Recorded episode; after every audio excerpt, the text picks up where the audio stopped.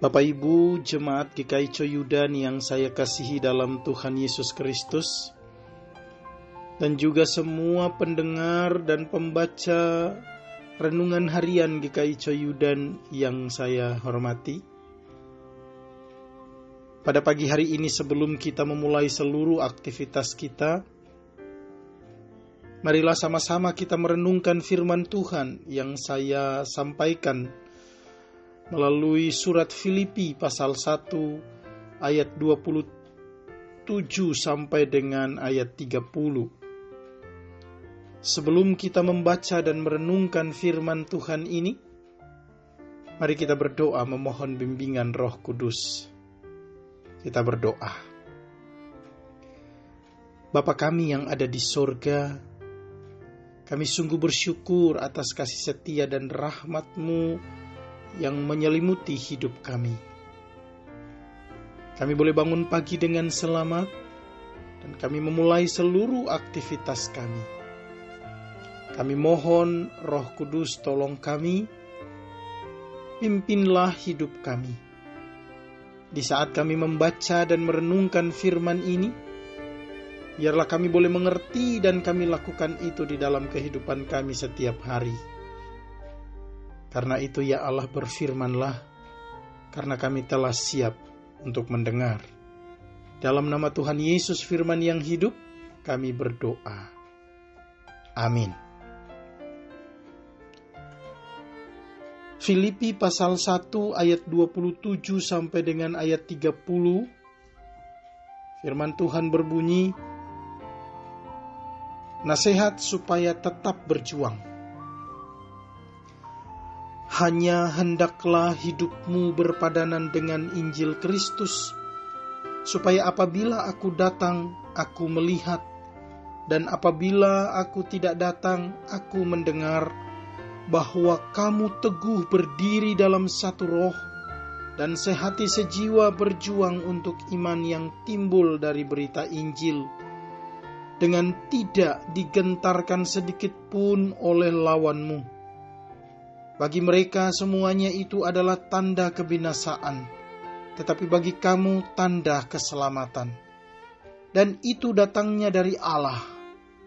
Sebab kepada kamu dikaruniakan bukan saja untuk percaya kepada Kristus, melainkan juga untuk menderita untuk Dia dalam pergumulan yang sama seperti yang dahulu kamu lihat padaku dan yang sekarang kamu dengar tentang aku.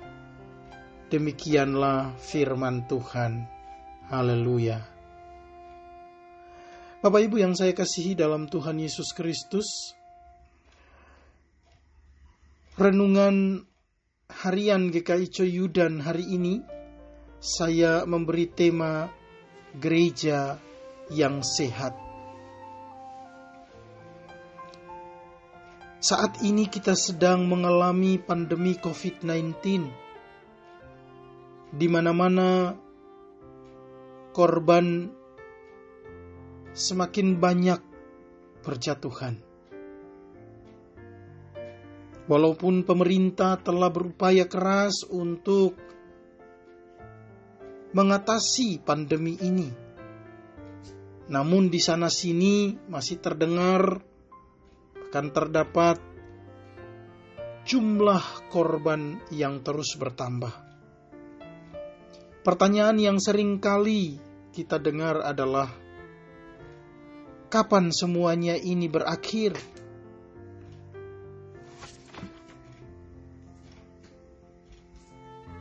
Seorang pun tidak pernah tahu. Namun, melalui renungan ini, saya mau mengajak kita sebagai gereja yang hadir di tengah-tengah pandemi COVID-19 ini biarlah kita tetap sehat di dalam menjalani panggilan kita. Sebagai gereja yang sehat, kita senantiasa berpadanan dengan Injil Kristus. Itu adalah kerinduan kita bersama. Namun, pertanyaannya adalah: apa itu gereja yang sehat? Dan bagaimana gereja bisa hidup berpadanan dengan Injil? Maka melalui renungan harian GKI Coyudan ini saya menyampaikan empat hal. Di dalam rangka merenungkan gereja yang sehat di tengah-tengah masa pandemi COVID-19 ini. Yang pertama adalah gereja yang berpusat pada Kristus.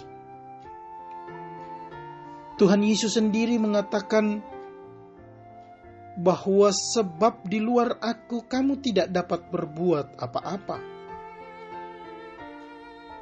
Karena itu hanya di dalam Kristuslah kita sebagai gereja bisa mengenal siapa Allah, karakternya, kasihnya, dan kehendaknya. Yohanes pun mengatakan, tidak seorang pun yang pernah melihat Allah anak tunggal Allah itulah yang menyatakannya. Dan di dalam Kristus, kita juga mengenal siapa manusia yang menjadi patron dan teladan kita. Barang siapa mengatakan bahwa ia ada di dalam dia, maka ia wajib hidup sama seperti Kristus telah hidup. Hal yang kedua adalah menjadi gereja yang berinkarnasi. Artinya, gereja harus hadir sebagaimana tubuh Kristus yang hadir di dalam dunia bagi orang berdosa. Gereja tidak menarik diri dari dunia karena alasan bahwa gereja adalah umat pilihan Allah yang dipilih dan dipanggil keluar dari dunia Memang gereja dipilih dan dipanggil keluar, namun untuk kembali hadir bagi dunia. Gereja harus mewujudkan kasih dan karunia Allah bagi yang kecil, lemah, sakit, dan berdosa. Gereja harus hadir sebagai jawaban dan pedoman bagi dunia, sebab gereja adalah perwujudan tubuh Kristus di dunia ini. Yang ketiga adalah gereja yang memberitakan Yesus yang tersalib. Ya, ini adalah berita yang sangat penting bagi dan oleh gereja. Gereja yang berinkarnasi ke dalam dunia adalah gereja yang membawa berita penebusan Kristus bagi dunia. Salib itulah beritanya Gereja tanpa salib adalah palsu. Tanpa salib, gereja akan menjadi rakus dan tamak dengan mencatut nama Allah untuk kepentingannya sendiri. Tentu ini bukan berarti gereja harus menjadi kekiri-kirian dengan menyamakan kesalehan dengan kemiskinan, iman dengan penderitaan. Bukan yang kita mau letak dudukan secara benar adalah gereja yang berinkarnasi dalam dunia itu harus benar-benar hadir dan berjuang untuk kebenaran dan kehidupan semua makhluk. Walau untuk itu salib yang harus dipikulnya. Hal yang keempat adalah gereja yang mati dan bangkit. Apa artinya? Rasul Paulus memberikan kuncinya bahwa hidup itu bagi Kristus dan mati bagi dia adalah keuntungan. Bagi Paulus, jika gereja berani berjalan di jalan salib Kristus, maka gereja juga akan dibangkitkan bersama-sama dengan Kristus. Sebab apa yang ditaburkan dalam kebinasaan akan dibangkitkan dalam ketidakbinasaan, yang ditaburkan dalam kehinaan akan dibangkitkan dalam kemuliaan. Ditaburkan dalam kelemahan, dibangkitkan dalam kekuatan. Jadi, gereja tidak akan pernah mati jika ia berjalan dan berjuang di jalan Tuhan. Sebaliknya, jika gereja menjadi pemberita Injil tapi tidak menghidupi dan berjuang di jalan Injil, sesungguhnya gereja itu tidak sehat, bahkan ia telah mati. Biarlah firman Tuhan ini menolong kita agar di dalam keadaan pandemi COVID-19 ini sebagai gereja yang sehat, maka kita senantiasa memberitakan Injil melalui tutur kata, tindakan, dan cara hidup yang berkenan kepada Allah, supaya nama Tuhan dimuliakan. Tuhan memberkati kita. Amin. Mari kita berdoa. Bapa kami yang baik, kami bersyukur atas kasih karuniamu yang engkau anugerahkan kepada kami. Kami telah masuk pada hari yang baru ini. Kami bersyukur karena engkau libatkan kami di dalam rencanamu yang indah pada hari ini. Karena itu ajarilah kami untuk selalu berharap kepadamu. Dan biarlah di dalam setiap langkah hidup kami, di dalam setiap karya-karya kami, bahkan di dalam setiap persoalan hidup yang kami hadapi dan jalani hari ini. Biarlah kami selalu bersandar kepadamu. Kasihmu selalu ada dan nyata di dalam hidup kami. Karena itu ajarilah kami untuk senantiasa mewujud nyatakan kasih itu terhadap orang-orang di sekeliling kami. Dengan demikian namamu saja yang dimuliakan.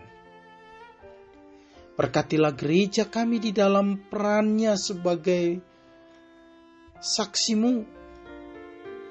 Dan biarlah kami terus membawa damai dan sukacita bagi orang-orang yang ada di sekeliling kami.